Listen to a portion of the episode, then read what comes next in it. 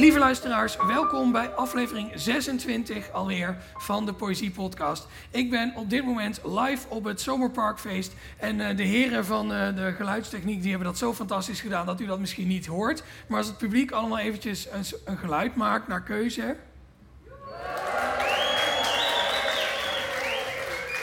Dan hoort u dat er hier wel degelijk een zaal vol met mensen zit. En wie hier ook zit, dat is Emma Kribolder. Emma, van harte welkom. Dankjewel, Daan. We hebben al eens eerder samen een gesprek gehad. Dat was uh, jaren geleden toen ze bij de Buun een uh, Venlo's cultureel maandblad, nee, een jaar, jaarboek bedoel ik. De oudste stadsdichter van Venlo, de eerste stadsdichter van Venlo en van Nederland overigens. Uh, ja, Vlaanderen. En van Vlaanderen. Ik gesprek wilde laten gaan met de toenmalige stadsdichter van Venlo, dat was ik. Ja. nu zitten we hier weer, maar in een iets andere constellatie. Want nu interview ik jou in plaats van dat ik mede geïnterviewde ben. We gaan het hebben over twee gedichten. En uh, jij hebt onder andere een gedicht meegenomen van Maria Barnas. Wil je daar eerst iets over vertellen of zullen we er eerst naar gaan luisteren en dan gaan we het er dan over hebben? Nou, nou ik denk dat we het best eerst even iets over kunnen zeggen. Dat het misschien dan duidelijker is als ik dat um, uh, voorlees. Ja, dat is goed. En het is een gedicht. Jij zegt, dit is een, podcast voor poëzie. Waar komen gedichten vandaan? Dat is een van jouw dingen die jij vaak uh, vraagt. Nou, bij dit gedicht, dit heb ik gekozen omdat ik daar bij de geboorte was ik aanwezig van dit gedicht van Maria Barnas. Die was uitgenodigd in het uh, Landgraafs Poëziefestival. En ze zat naast mij en toen was er een meisje, een klein meisje, wat een pianoconcertje gaf.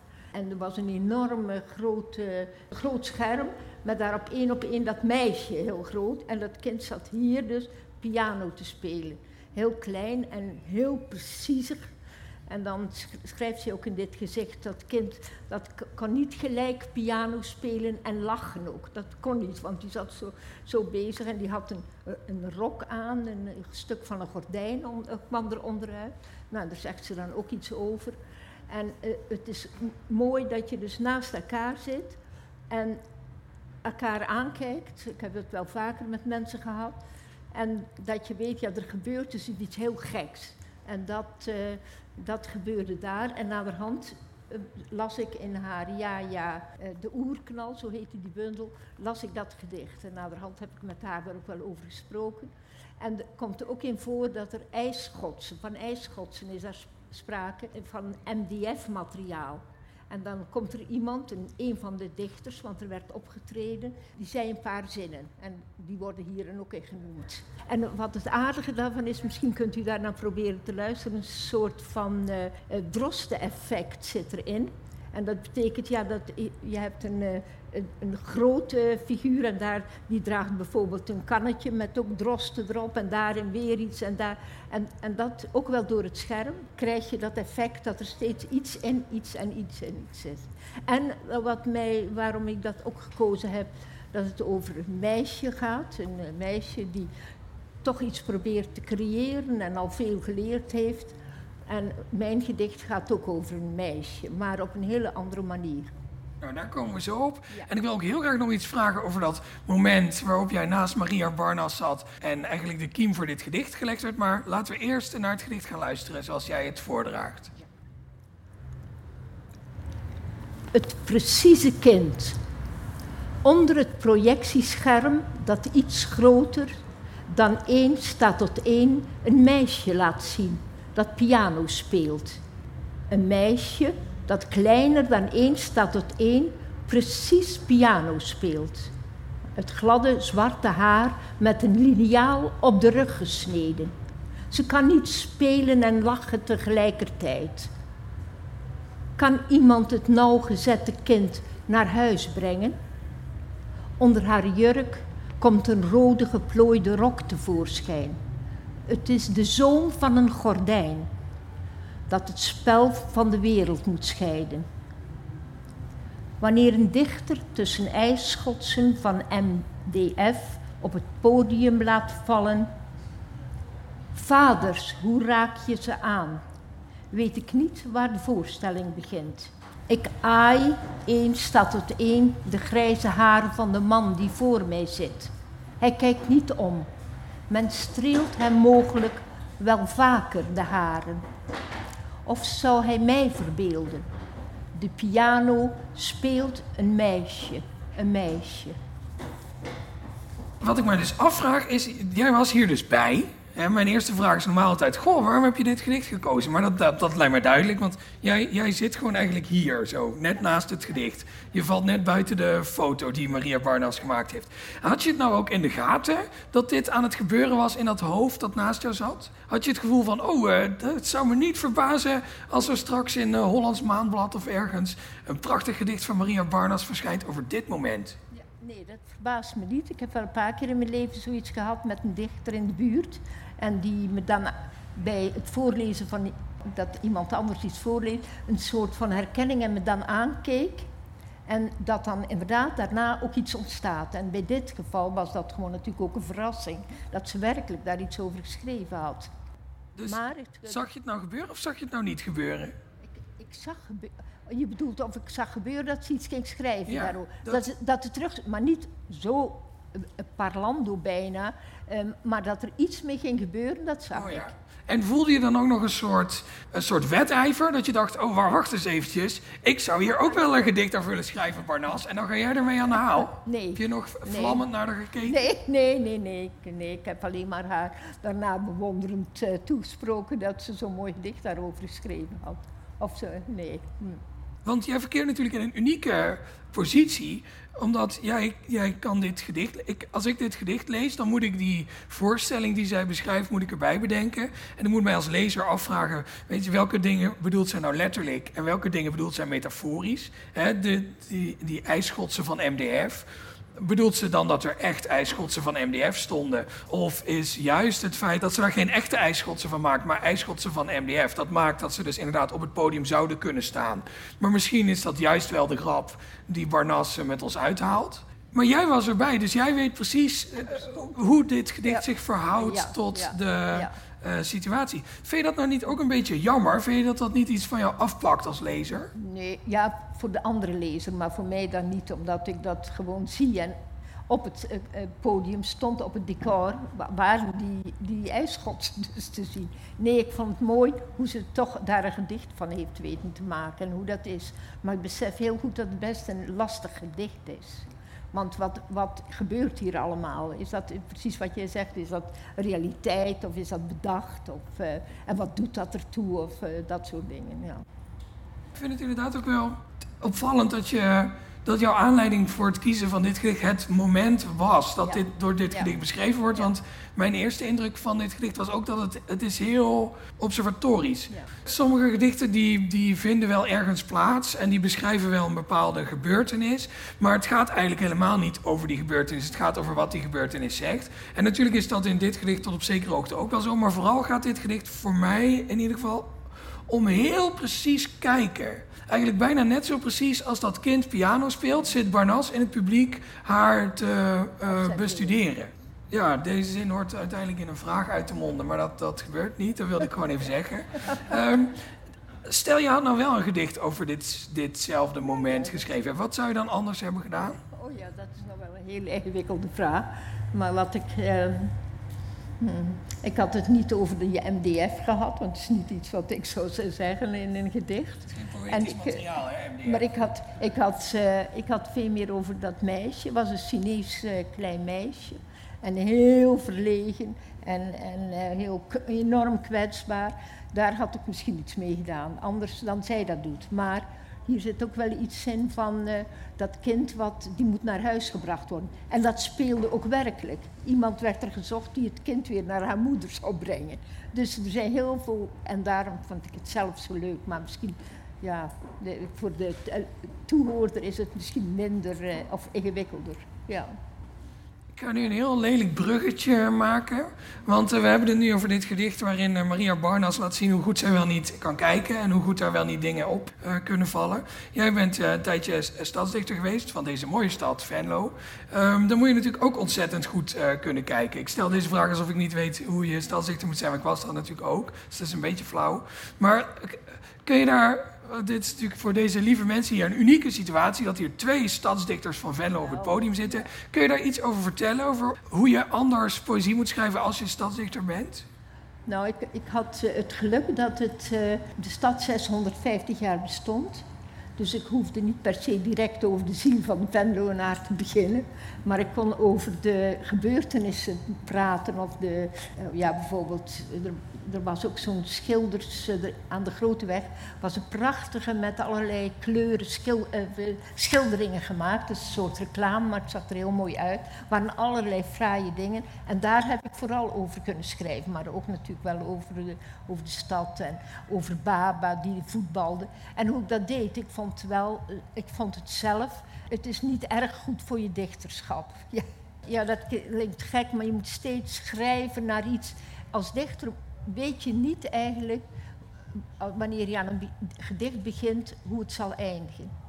Dat mag natuurlijk ook wel bij een, stadsgedicht, maar het moet toch altijd wel, het publiek moet het toch nog altijd wel enigszins kunnen volgen. Dus je gaat eh, gemakkelijker schrijven, vind ik wel. Of, en soms lukt het goed. Ik heb hier over het Julianapark ook zelfs iets geschreven. Dat vond ik zelf een paar gedichten vond ik daar wel goed eh, van. Maar ik vind het ingewikkeld omdat je niet meer zomaar eh, kunt gaan zitten en wanneer je denkt, oh, ik wil een gedicht schrijven, wat dan ook, en je helemaal leegmaken. Want, maar het moet over iets gaan wat in die stad voorvalt. En als je dat lang doet, ja, dan denk ik dat je erg van je dichterschap of van de mogelijkheid om, om fatsoenlijk poëzie te schrijven afraakt. Ja, maar dus gelukkig was er een heleboel aan de hand omdat Venlo 650 jaar bestond toen. Wat zeg je? Dat was maar één jaar. Ja, oh ja, natuurlijk. Ja, daarna was je weer eh, helemaal op de Dan kon ik weer terug. vrede actualiteit aangewezen. Ja, tijdens mijn eh, ambtsperiode bestond Venlo 666 jaar. Daar was niet zoveel mee te doen. Dat was allemaal, allemaal heel snel afgegleden naar eh orde waar, waar je de po- poëzie misschien helemaal niet wil hebben. Zou jij het gedicht van eh, Maria Barnas nog een keer voor ons voor willen lezen? Ja, kunt u er met al deze nieuwe informatie opnieuw naar luisteren. En dan is het ineens een heel ander gedicht. Het precieze kind. Onder het projectiescherm dat iets groter dan één staat tot één een meisje laat zien dat piano speelt, zit een meisje dat kleiner dan één staat tot één precies piano speelt.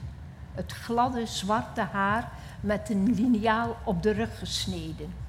Ze kan niet spelen en lachen tegelijkertijd. Kan niemand het nauwgezette kind naar huis brengen? Onder haar jurk komt een rode geplooide rok tevoorschijn.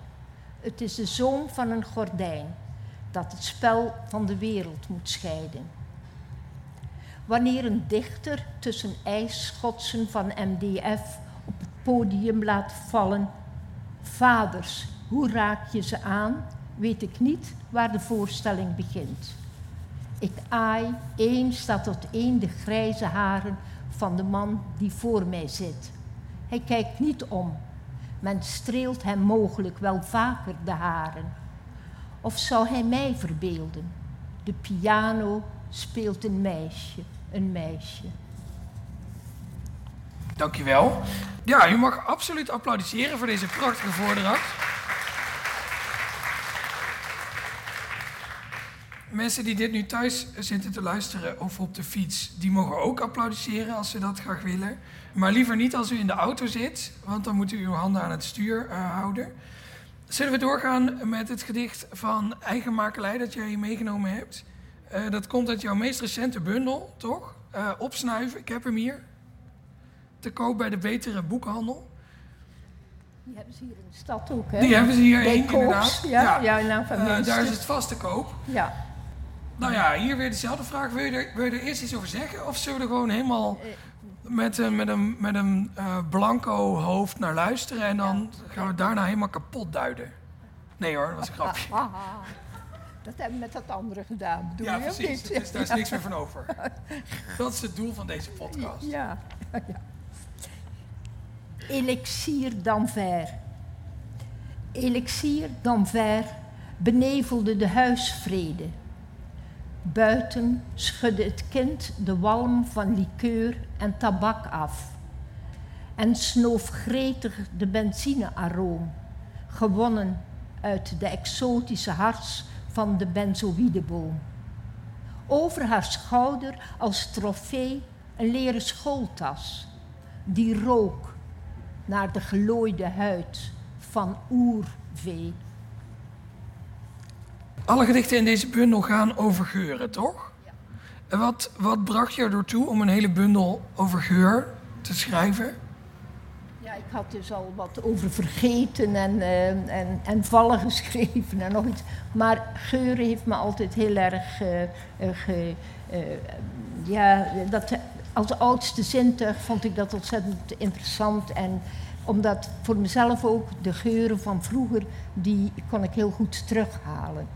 En toen, toen dacht ik, ik ga proberen over geur um, dat zintuig wat zo ver in onze hersenstam zit, dan ga ik proberen om daar iets over te zeggen. Ik vind het altijd heel mooi om over iets te schrijven waar eigenlijk geen woorden voor zijn. En dat is bij geur. We hebben heel weinig uh, woorden voor geur. Er zijn, wel, zijn wel bepaalde groeperingen in de wereld die meer uh, woorden voor geur hebben.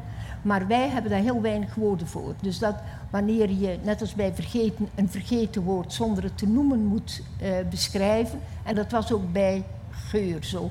Dat ik probeerde in elke van de 25 gedichten heel klein en miniatuur en op elkaar geprobeerd heb om daar toch de geur die ik mij herinnerde uit te laten opstijgen. En uh, zo heb ik het geschreven. Het, en, en, ja, en ik vind dat het geslaagd is. ja. Ja, dat vind ik ook. Wat ik zo mooi vind aan dit gedicht, en ik, en ik zal je maar vast waarschuwen dat ook aan het einde van deze zin komt niet nog een vraag. Ik ga je nu gewoon een compliment maken over dit gedicht. Je, begint met het beschrijven van die elixir d'Anvers, een uh, liqueur, ik mag wel zeggen een ouderwetse liqueur, denk ik. Hè? Want ja, het wordt wel nog gemaakt, eh, las ik op internet, maar het wordt volgens mij niet meer zo heel veel gedronken. Het is een beetje vergelijkbaar met de Elske hier. Oh ja, oké. Nou, dat is... het ziet er ook zo uit. Hè? Het, het ziet er eh, vergelijkbaar uit. Ja, nou, maar het was dus in Antwerpen. Ik, ik werd in, in de buurt van Antwerpen geboren. Dus daarom werd er geen Elske gedronken, maar elixir. Ja, precies. Ja. Nou, dat is, ook, dat is misschien inderdaad wel wat, wat bekender, maar ook niet zo populair onder de jeugd. Maar dat doet er eigenlijk helemaal niet toe voor het compliment dat ik je wilde maken. Want wat ik zo mooi vind aan dit gedicht is, je omschrijft eerst uh, die liqueur en daarna gaat het over benzine. Alleen de manier waarop je die geur uh, beschrijft is, is omgekeerd. Dus die liqueur die wordt met uh, het benevelde de huisvrede. Het kind schudde de walm van uh, liqueur af. Die liqueur die wordt eigenlijk omschreven zoals je uh, normaal benzinedamp zou omschrijven. Maar vervolgens wordt er dan de benzinelucht wordt gretig opgesnoven. Je hebt het over de exotische herkomst van benzine, waar volgens mij nog nooit iemand opgeschreven heeft. En dus die benzine wordt eigenlijk omschreven zoals je een lekker drankje zou omschrijven. Ja. Ja, nee, dus ik ben een echte benzinesnuiver dus, uh, geworden. Begrijp. Ja, een grote ik van benzine ja. van liqueur? ja, nou, ja, dat, dat, heb ik altijd heel lekker gevonden, die, uh, die lucht. En inderdaad, nou, die uh, elixir en ver, die benevelde de huisvrede. Dus die deed niet zoveel goeds op zekere momenten. Dus dan kon je beter in de vrije natuur dan toch, of natuur, en toch die benzinelucht die wel ergens hing gaan snuiven. Maar je hebt ook een bundel gemaakt over uh, vergeten, hè, waarin volgens mij ook een hele reeks gedichten zit, die eigenlijk gaan over dat je niet meer op een woord kan komen. En dat hele gedicht lang probeer je dat woord, of dat uh, ding waar dat woord naar verwijst, omschrijven zonder dat uh, woord te gebruiken. In deze bundel beschrijf je geuren, die ook wel de meest ongrijpbare van alle zintuigelijke waarnemingen zijn. Wat maakt het jezelf moeilijk in je gedichten? Je kiest van die, van die ongrijpbare onderwerpen. Nou ja, ik vind, uh, ik vind dat dus die onderwerpen of geur, dat we daar aandacht, uh, dat daar toch aandacht voor moet zijn. Dus ik heb daar aandacht voor en ik denk dat het interessant is voor mensen want ja, inderdaad, mensen die die bundel beschrijven, deze bundel, die zeggen dan dat ze eindelijk weer, gaan weer wat meer zijn gaan ruiken overal en uh, gaan opsnuiven. En, dus, dus het helpt wel. Dus als ik al een opdracht heb in mijn leven, is dat de mensen toch weer wat meer gaan ruiken. Of wat, ja. Heb je ook dus, mensen gesproken die zich woorden weer herinnerd hebben na het lezen van je bundel vergeten? Wat? Dat ze zich woorden... Wat? Dat, dat ze zich woorden weer makkelijker konden herinneren. Dat, nou, uh... dat geloof ik niet. Dat weet ik niet. Nee, want als dat eenmaal inzet, dan is het toch... Uh, ja. het. Maar dus, dus het is een uniek effect van deze bundel... dat ook een soort therapeutische uitwerking uh, heeft. Ja. Dus als u niet goed kan ruiken, dan heeft u nog een reden om naar Koops te gaan en uh, uh, deze bundel uh, te kopen. Want Emma Kribolder leert u weer ruiken. Kun je iets vertellen over, want je hebt nu dus een, een bundel gemaakt over uh, uh, geuren en over het, het geheugen of het, het haperen daarvan. Uh, welke, welke onmogelijke taak heb je jezelf gesteld in je volgende bundel? Nog niet. Oh, nog niet? Nog niet. Nee, ik heb me nog geen taak gesteld. Ja, nee, zijn wel, maar niet dit soort, dat heb ik nog niet gedaan, nee. nee. Maar wel, misschien kan ik het hebben over wat er in die schooltas van dat meisje zit. Hè. Dat is een meisje ook. En die schooltas, dat, en die grijpt terug naar oervee. En in die schooltas zat voor dat meisje kennis en uh, schoonheid van literatuur. Dus daarom was dat een trofee voor haar. Omdat ze, en de vrijheid met die tas op de schouder, gewoon weg kon. En uh, ja, de vrijheid tegemoet en, en de kennis en de, alles wat we kunnen leren in ons leven, ons mee kunnen maken. Ja, die staat voor, daarvoor. Dus, uh, Maar, maar misschien wat er in die tas zit, zou ik nog kunnen gaan beschrijven, dat Ja. weet ik niet.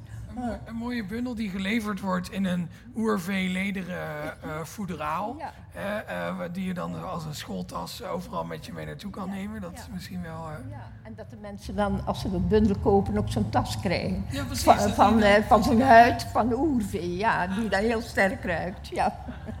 zodat, zodat je eigenhandig de laatste slag toe kan brengen aan de kleine populatie oervee die nog ergens Ja, ja. In Wit-Rusland over de vlaktes Nee, eh, dan, zwerft. nee, dan zoeken we nog wat oude huiden bij elkaar, die zijn nog wel te vinden. Oh ja, dat denk ik ook wel, Ja. Zou je het gedicht nog een keer voor willen dragen voor ons? Ja.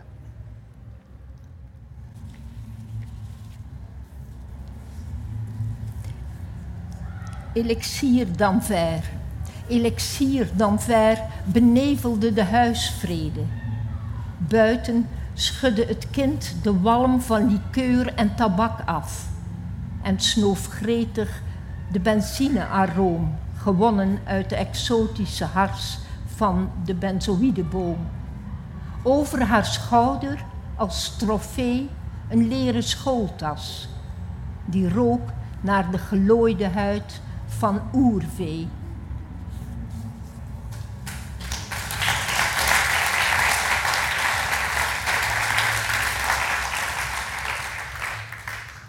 Emma Kribolder, heel hartelijk bedankt. Eh, we zijn alweer aan het einde van deze aflevering van de Poëzie Podcast, aflevering nummer 26 alweer. Hij werd opgenomen op het Zomerparkfeest in Venlo onder de bezielende begeleiding van dit fantastische eh, publiek. Applausje voor jullie zelf.